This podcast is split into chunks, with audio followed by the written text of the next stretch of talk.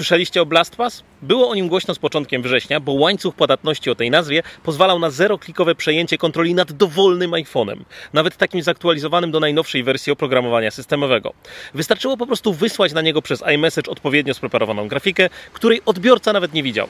Całość jest podobno kolejnym odkryciem NSO Group, które znane jest szeroko ze swojego naczelnego produktu Pegasusa.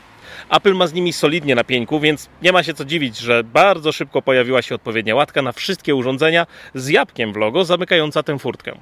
Przygotowano ją też dla starszych operacyjnych systemów, czyli nawet urządzeń już niekompatybilnych z najnowszymi ich odsłonami. W przypadku iPhone'a mowa nawet o wersji systemu teoretycznie niewspieranej od roku. Cóż, Apple musi naprawdę nie znosić Pegasusa, skoro podjęło taką decyzję. No to teraz już na pewno.